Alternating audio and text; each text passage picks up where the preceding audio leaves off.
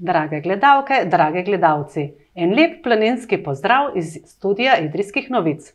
V tokratni oddaji bomo govorili o, o gorah in o branju, saj je Generalna skupščina Združenih narodov 11. december razglasila za Mednarodni dan gora. Akcija Brati gore pa je ideja Alpske konvencije, ki letos poteka že osmič. Moto letošnjega branja je: Ženske premikajo gore. Zato smo v studio Idrijskih novic povabili rojakinjo, pisateljico, pesnico in gornico, ki zna svinčnikom, čopičem in fotoaparatom premikati gore. Olga Kolenc, prav lepo pozdravljena. Lepo zdrav tudi vam. Že v vodoma smo rekli, da ste rojakinja, rojena ste na vojskem. In kako gledate na to svoje izhodišče? Ja, jaz sem nekje po duši in bom še vedno ostala vojskarica. Uh, to so bili posebni časi našega otroštva. Uh, to svoje otroštvo jemljem kot nekak privilegij, da živiš sredi neokrnjene narave, da poleti v hiši samo ješ in spiš. Včasih se mi zdi vse skupaj kot ena dolga, lepa pravljica očetova na peči, ki smo jih zvečer poslušali. Ne? zima je bila pravo v težkem življenju. Težko si danes, recimo, mladi predstavljajo, kako to izgleda, kadar imaš zunaj meter pa pol do dva metra snega, do šole, crkve, trgovine pa vodi samo ena smočina. Ne? Se pravi, Olha, izkusili ste vse lepote in tudi krutosti življenja v gorah. In to najbrž spremeni človeka, oziroma mu da eno posebno, eno posebno noto. Življenje nekoč na vojskem in življenje danes na vojskem je sigurno posebno drugačno. Absolutno se je vse spremenilo, ker recimo že po 70. letu uh, se je začelo redno plužiti pot, potem so otroki, otroci so šli v Idrijo v šolo, uh, sledil je tale delovski avtobus, In uh, tako, potem, da ne govorimo, ko je internet prišel na vojsko, uh, ljudje se vračajo, in podoba je danes precej drugačna. drugačna. Čeprav še vedno vojsko ostaja vojsko. In z vso to modernizacijo so ljudje počasi odtekali v dolino in z njim tudi to staro tradicionalno kmečko življenje. Že kot majhna ste raziskovala prostor okrog sebe. To vam je bil, to je bila vaša strast. Ja, s to strastjo sem se verjetno že tudi kar malce rodila. Uh, na tistem koncu sem bila sama in v bistvu nisem imela primerne družbe, da bi nekdo z mano pomagal te strahove premagovati. Tako sem ti, ta svoj teritorij širila od grma do grma, od kamna do kamna. In ko sem šla v uh, tole svojo aslovko, me tudi po celo popoldne ni bilo domov. Ne? Ampak starša se nista delala nekih pretiranih skrbi, ker sta me dobro poznala. Ste dobro poznali. Najbrž ste vsa ta svoja doživetja zapisovali že odkar ste znali pisati. Ma ne, ne, da bi zapisovala, nekako je to vse bilo v meni nekje. Ne? Zapisovati sem začela veliko kasneje. Potem. S kakšnim namenom? Ja, s kakšnim namenom, z nekakšno odgovornostjo, da uh, sem še tista generacija, ki v bistvu to lahko še pove iz prve roke. Tako bolj iz neke, iz neke odgovornosti, da to ostane tudi za naslednje generacije. Da se te, to izročilo da se, to, da se ta način življenja, ki smo ga še mi živeli tam okrog leta 60-70, nekako iz prve roke ostane zapisano. In kako ste, kje ste trčili, vaši zapisi in planinski vesnik? Kako ja, se je ja. ta naveza pričela? Začelo se je leta 2000, ko sem poslala eno svojo prvih pesmi. Eh, pesem so mi objavili, in na to je sledil nek natečaj, ne natečaj. Mm, pač neka tema je bila o ljubezni v gorah, in uh, potem se je začelo. Potem so, so sprejemali moje teleprispevke in so se začeli lepo nabirati, in z, vsakim, z vsako objavo sem dobila dodatno veselje. In tako se je v arhivu Planinskega vestnika nabral kar velik arzenal vaših prispevkov. Eh, iz njihove strani je prišla ponudba, da iz, naredite izbor in ta izbor naj izide v knjigi. Uh, tako je uh, sam uh, odgovorni urednik Vladimir Habjan me pred leti povabil, da bi iz teh prispevkov naredili knjigo, in jaz sem to pobudo z veseljem sprijela. Ne. Iz vseh teh prispevkov sem potem naredila en izbor, uh, ki v bistvu zajema te manj znane poti ob zahodni meji, ki je bil dolgo leta zaradi tega strogega režima zelo zapostavljen. Ker zaprta. Ja knjiga ni zasnovana kot vodnik. Imam občutek, da, ste, so, da so vaša besedila intimnejša, da uh, so to no, univerzalna razmišljanja, ki mogoče še bolj pritegnejo bralce k branju. Uh, po nekje sem brala, uh, da je ta knjiga v bistvu vodnik, nekje, da je dokumentarno delo, nekje, da je ne le poslovje za, za odrasle, ampak jaz mislim, da je kar vsakega pomalem. Da je to kar vsakega pomalem. Knjiga se lepo bere in začnete, vaši prvi zapisi so o poteh v vaši bližnji okolici, kjer ste se rodila. Ja, tako se mi zdi pomembno to izhodišče, ki ki je pač nekje človeka zaznamuje, kjer doživljamo te svoje prve zaznave. Eh, zato sem ga vzela kot za izhodišče. Naprimer, pri 21 letih sem se preselila v Novo Gorico, kjer je bilo eno samo betonsko naselje, brez rastlinja. Tam so bili zasajeni neki mali tele tulipanovci, ki so bili veliki kot fižolovke. In jaz sem samo čakala konec tedna, da sem se vrnila na vojsko, čez Trnovski gost, in šele potem gola, eh, tole bosa, sem uh, bila spet tista Olga prava. Potem sem pa širila ta teritorij nekako na bližnje Goriške gore, do Soče in tako naprej. V knjigi zelo natančno opisujete kmečko življenje na vojskem. To, to je najbrž ta nuja, da ohranite to kmečko to življenje. Je danes zelo zanimivo za pogledati za nazaj. Ne? V bistvu je bila vsaka hiša mala, tova, mala tovarna zase. Uh, v bistvu v trgovini smo kupovali samo tiste osnovne stvari, uh, kavo, sladkor, moke, sol, žigalce in take stvari. Ne? Vse ostalo smo pridelali doma. Ne? In kadar je zapadlo meter, pa še več snega, je naš tata ali pa tudi ostali vojskari, si je nadal smoči, eno dolgo palico in je šel z nahrbnikom v trgovino, uh, in, in to je bilo to. Eh, že na začetku smo omenili, da ste tudi pesnica. Mogoče je zdaj pravi trenutek, da preberete eno kratko pesem, ki se nanaša na vašega očeta. Ja, piš, povedati moram, da pišem tudi v narečju.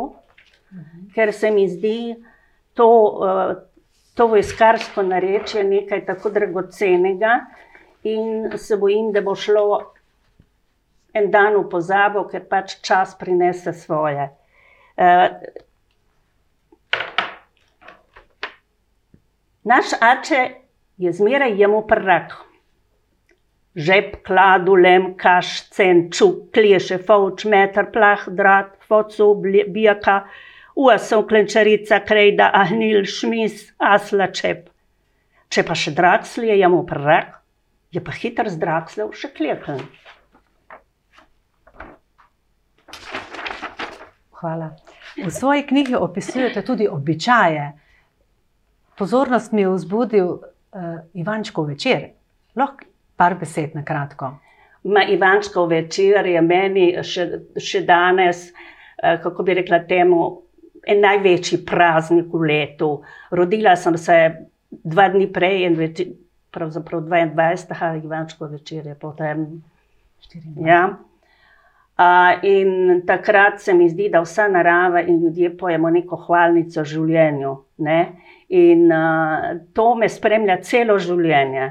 In če ne grem na vojsko, moram jaz ta, to, ta kresni dan, kresno noč nekje preživeti, recimo letos sem jo na morju, ki ima ravno tako čar, samo malček drugače. Ni bilo Ivanščic in Ivanščic v Vencu. Ni bilo, je bil pa smil in lavanda in take zadeve so bile. Tako da je Bog povsod za dosti lepote razdelil, tako da ni skrbi. Prve prave planinske ture, Olha, ste začeli kar na domačem prahu. To je tudi en velik privilegij. Čeprav mogoče, če ta planinska tura vodi v Idrijo k zobozdravniku, ni tako lepa, kot je slišati. Ja, prve zimske ture so se, so se začele že zelo zgodaj in so bile samo ponuji, po, ponuji, kaj ti na vojskem v čistih časih nihče ni kar tako brez potrebe čižem trgal. Ne? Tako smo recimo uh, hodili predvsem z zdravnikom v Idrijo, Uh, in uh, te poti so bile potem v bistvu dolge s povratkom 30 km za enega otroka, ki je komaj začel hoditi v šolo, pa malo več, ne, v nekih navadnih teh uh, bombažastih oblekcah, uh, hlačkah in tako naprej. Uh, v bistvu niso bile mači kašelj, in če bi danes nekdo tako pustil otroka, bi ga mu, po moje, kakšna socialna služba hitro oduzela. Sicer so pa imeli otroci, jaz sem imela še srečo, jaz sem imela zlato sredino, sem imela tiste dva km, ampak so imeli otroci tudi po uro in pol daleč v šolo. Samo do šole, tako, vsak dan. Tako. Obleka, ola, včasih je bilo to čist nekaj drugega, kot je danes. Obleka, da ne govorimo, kaj si danes damo na sebe za navaden mestni sprehod. Recimo, Takrat so bila vsa oblačila v bistvu iz malo močnejšega bombaža, eh, take suknične plaščke smo nosili, hlače. Nam je vse to zašila naša šivilja Roza iz Ogalc, tudi spodnje perilo. Uh, ker pa na vojskem nikoli ne, ne pomnim, da bi gojili ovce, ne, pa je mama že do časa preskrbela dovolj volne, da smo potem to oprali, skupili, potem tole s temi gradašami, potem je zapel kolovrat in uh, sestra, uh, ki je bila takrat Angelica še najstnica, je bila pa že takrat pravi ekspert za pletenje, tako da smo imeli potem rokavice in majice in, in, in nogavice in take stvari da vas je malo manj zeblo. Iz rodnega vojska nadaljujete svoje popotovanja, svoje poti v Trnovski host, na njegov severni rob, na njegov južni rob in ga raziskujete. Trnovski gost najprej bolj tako bi rekla, raziskovala na ključu po kakšne gobe, po kakšne zdravilna zelišča, po maline in tako naprej. Ne? In potem sem pa to sistematično začela od Trnovega, do Čavna in potem Ingolakov, in v bistvu vse te poti, pa tudi brez potja, sem predelala, ker recimo mene prav ta južni rob Trnovskega gozda še vedno znova preseneča in navdihuje. Recimo, tam je tako bogata flora, in potem so tukaj recimo izvir Lijaka. Potem je tukaj prastari romarski kraj, sveta Lucija. In uh, menda tam nekje okrog Sekulaka, da je menda pa celo no je to barka pristala ne? in to se vse čuti, to so vse te energije. Na teh poteh. Ja. Ja.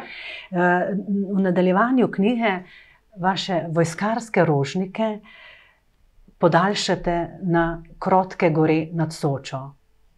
To je bilo povezano z vašo selitvijo. Novo Gorico. Ja, lejte, uh, pri naši hiši uh, je tata vsako leto potresal po teh malih hribčkih okrog seneni drobir. Ne? In temu posledično je potem tukaj cvetel en rajski vrt.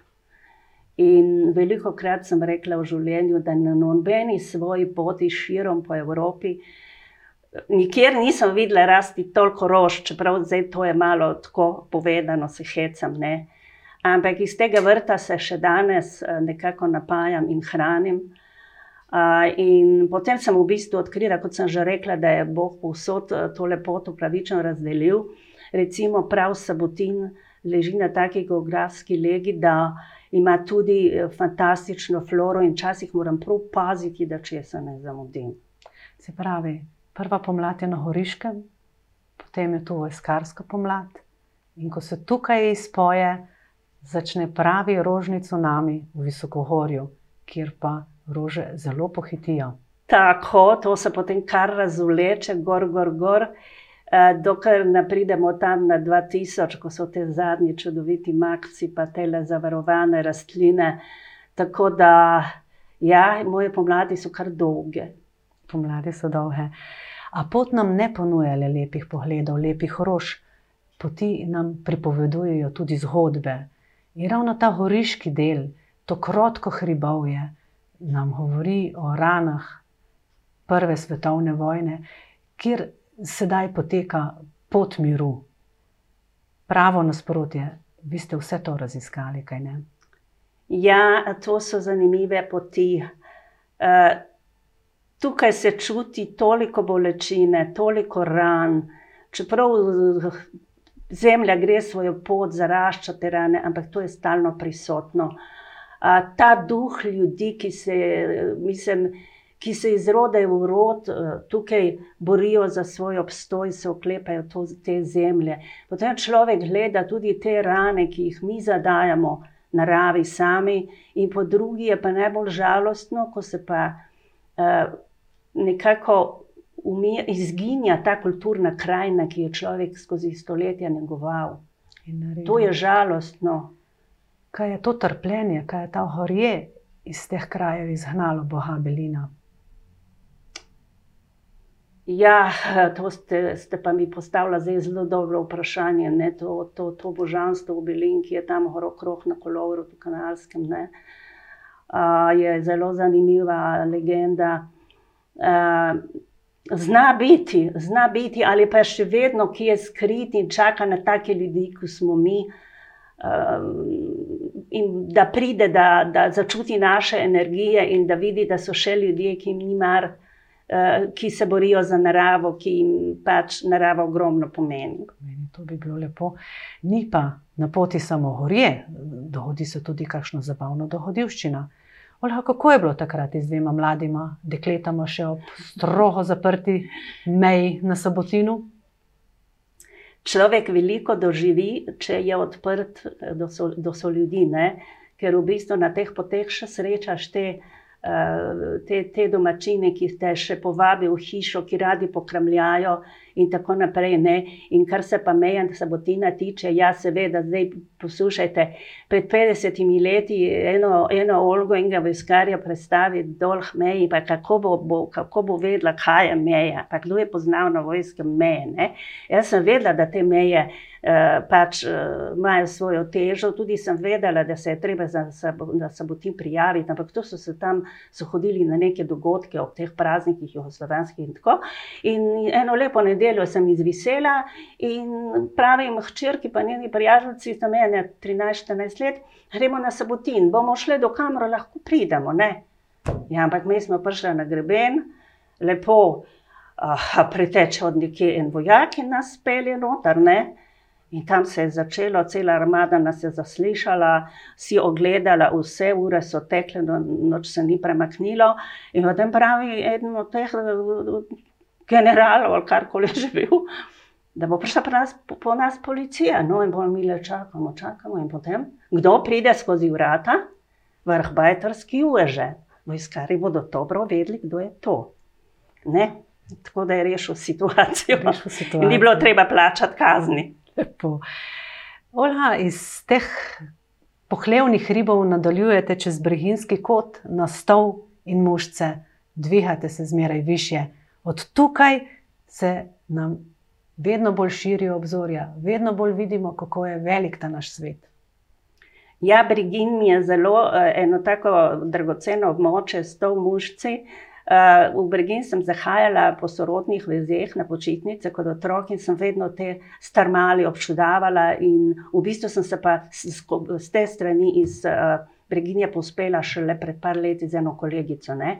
Tako da um, od tukaj potem naprej so, so, je visokogorje že blizu. Ne? In od tukaj se vidi tudi moč narave, tako, ki, kot sama pravite, bo še 400 let prebavljala naše plenice. Naše sodobne plenice. Tako je. Kaj delamo temu svetu? Tako. In v zrelem poletju ko so dnevi najdaljši, ubirate najviše poti. Takrat pridejo na vrsto kanin, montaž, mangard, to je že pravo visokohorje, to so zahtevne poti. Kaj vam je, oče Rudolf, svetoval, da upoštevate na takih poteh? Ja, oče, oče Rudolf je rekel: Ne matrate otroka, ne vozim otroka na kaninsk, ko smo šli smučati. Tam gor so sama brezna, ne? tam gor so sama brezna. Ja, uh, velik čar, uh, veliko lepega sem doživela, ko sem se eno lepo obdobje potepala sama tukaj po severni in po južni strani uh, kaninskih podov. Uh, Najraje sem šla sama, ker dobi mene prenašal s fotoaparatom in tem lovljenjem teh fosilov in tako naprej. Ne? In potem više in više, ne? in uh, danes je to vse fajn in lepo, danes imamo opremo. Uh, če pomislim, recimo, tiste svoje prve poti v Visokogorje uh, s prijatelji, ne? to smo imeli ene, eno špahco, malo močnejšo, okrog pasu, pa dve še pomožni, pa dve uponki. Ne? In tako smo mi plezali po, po, po razno raznih tehle. In glavno, potem, no, potem smo kmalo videli v Avstriji, že v Italiji, že pravo, pravo, pra, pravilno opremljene gornike, ne pa, pa so imeli naši pravili kar šminkeri. Izkušnje prinašajo svoje. Samo v gorah, a nikoli osamljen, kaj ne? Ne, zato ker recimo to samohodstvo, jaz sem bila v to samohodstvo nekako prisiljena najprej, ker pač na društvu še ni bilo toliko izletov, prijatelji so imeli svoje obveznosti. In potem sem se začela na tak način spomagovati, da sem sedla na vlak in sem hodila eno lepo obdobje v Rata. In potem sem nekako po teh poteh gor, še sploh pred sezono, ker so tudi snežišča, pa tako pa malo ljudi sem se v bistvu zavedla te odgovornosti do sebe in do drugih. Ne? In potem v bistvu srečaš toliko fajn ljudi, kadar nekam prideš. Recimo, posebno so mi ostali v spominu eh, poti iz vrat na križke pode Razor in na prečenje lepega špičja, ko me je lovila noč in nisem srečala žive duše. To so nepozabni trenutki, ki te največ uči, naučijo in takrat sem jaz črpala moč iz tiste male Olge. A ko se napove jesen, ko na krasu zažari ruj, je treba na kras. Vedno pa niste bila tako prijateljica krasa, ne? Ne, kras mi je bil ena taka pustinja, sploh me ni zanimal, vse je bodlo, gor dol. Ne? In potem sem nekako na ključe, po ključu odkrila pomlad in jesen na krasu, to je nekaj čarobnega, kadar ruj plodi in kadar potem ta ruj vsi svoji tej ognjeni lepoti, zagoriča skraz, bi temu lahko rekli. Ne? To so fantastični trenutki v naravi. Ki jih je treba doživeti. Jih je treba izkoristiti. In tudi ta del sveta, tudi svet ob meji, ravno tako ranjen od prve svetovne vojne, od katere si še ni opomogel, dobiva nove udarce. Čez kras tako radi divjajo požari. Ja, letos je bilo hudo. Tudi uh, smo kar občudovali te ljudi in te gasilce. Recimo tudi v Novi Gorici, ki je v bistvu toliko daleč stran, pa smo bili ene par dni kar noter zaprti. Ja, to so narava, daje svoje udarce, gre svojo pot in tako je. Narava nas Ja, ja. pozarja. In se bo tudi zacelila, ker to ona zna. Mogoče pa še spet en zabavnejši dogodek. Kako je bilo na Kokoški, na dan sprejema Slovenije v članstvo Evropske unije? Tista je bila tudi dobra. Um, ekipa se je dobila tam uh, v, v spodaj, v, v, pri nekem hotelu v Lipici. In da, gre, da, da se peljemo na Koško, da bomo lahko posneli eno pesem. So me, so me določili, da bom pre, prebrala eno pesem o postopu v Evropsko unijo. Ne. In jaz, kdo meni ni nihče povedal, da bomo mi na Kokoško šli peš. Ne. In jaz sem bila v salonarjih. In jaz sem mogla v salonarjih na Kokoško, ker tisti džip ali tisti avto je šel, dokler je šel. Ne. Ampak ne boste verjela, da niti ene odrgnine ni bilo na mojih, na mojih petkah. To, To je vse vaja z vojskega, ker na vojskem smo tako hodili, hmaši v takih čevljih. Čevlje je bilo treba hraniti. Je bilo treba, hl- se je bilo treba uštimati. Tako, za- ja, fajn. Sami v knjigi svoji pravite, morje nas potrpežljivo čaka, a gore se nam z leti odmikajo. Tako svojo knjigo zaključite na ničelni točki ob morju.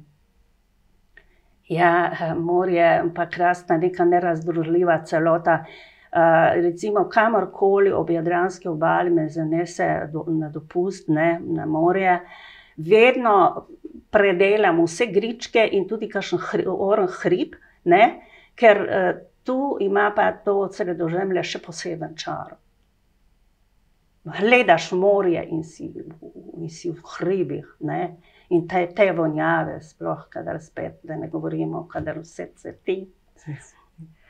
S potjo do kamnitih src ste tako zaokrožili štiri letne čase življenja. Najin klepet bi zaključila z zadnjim odstavkom iz vaše knjige. Z veseljem. Za prehojenimi planotami, grebeni in gorami se širijo nova prostranstva. Srce, ki hrepeni, hoče naprej. Jutri bo nov dan. Poti do kamnitih src bodo ostale uhojene, dokler bomo ljubili. Hvala lepa, Olga, za obisk, za ta lep pogovor in hvala, Olga, za vse zapise, katere delite z nami. Želim vam, da črnilo vašega svinčnika nikoli ne usahne. iskrena hvala tudi vam za povabilo. Vam, drage drage gledalke in dragi gledalci, pa en lep pozdrav iz studia Idrijskih novic. Srečno!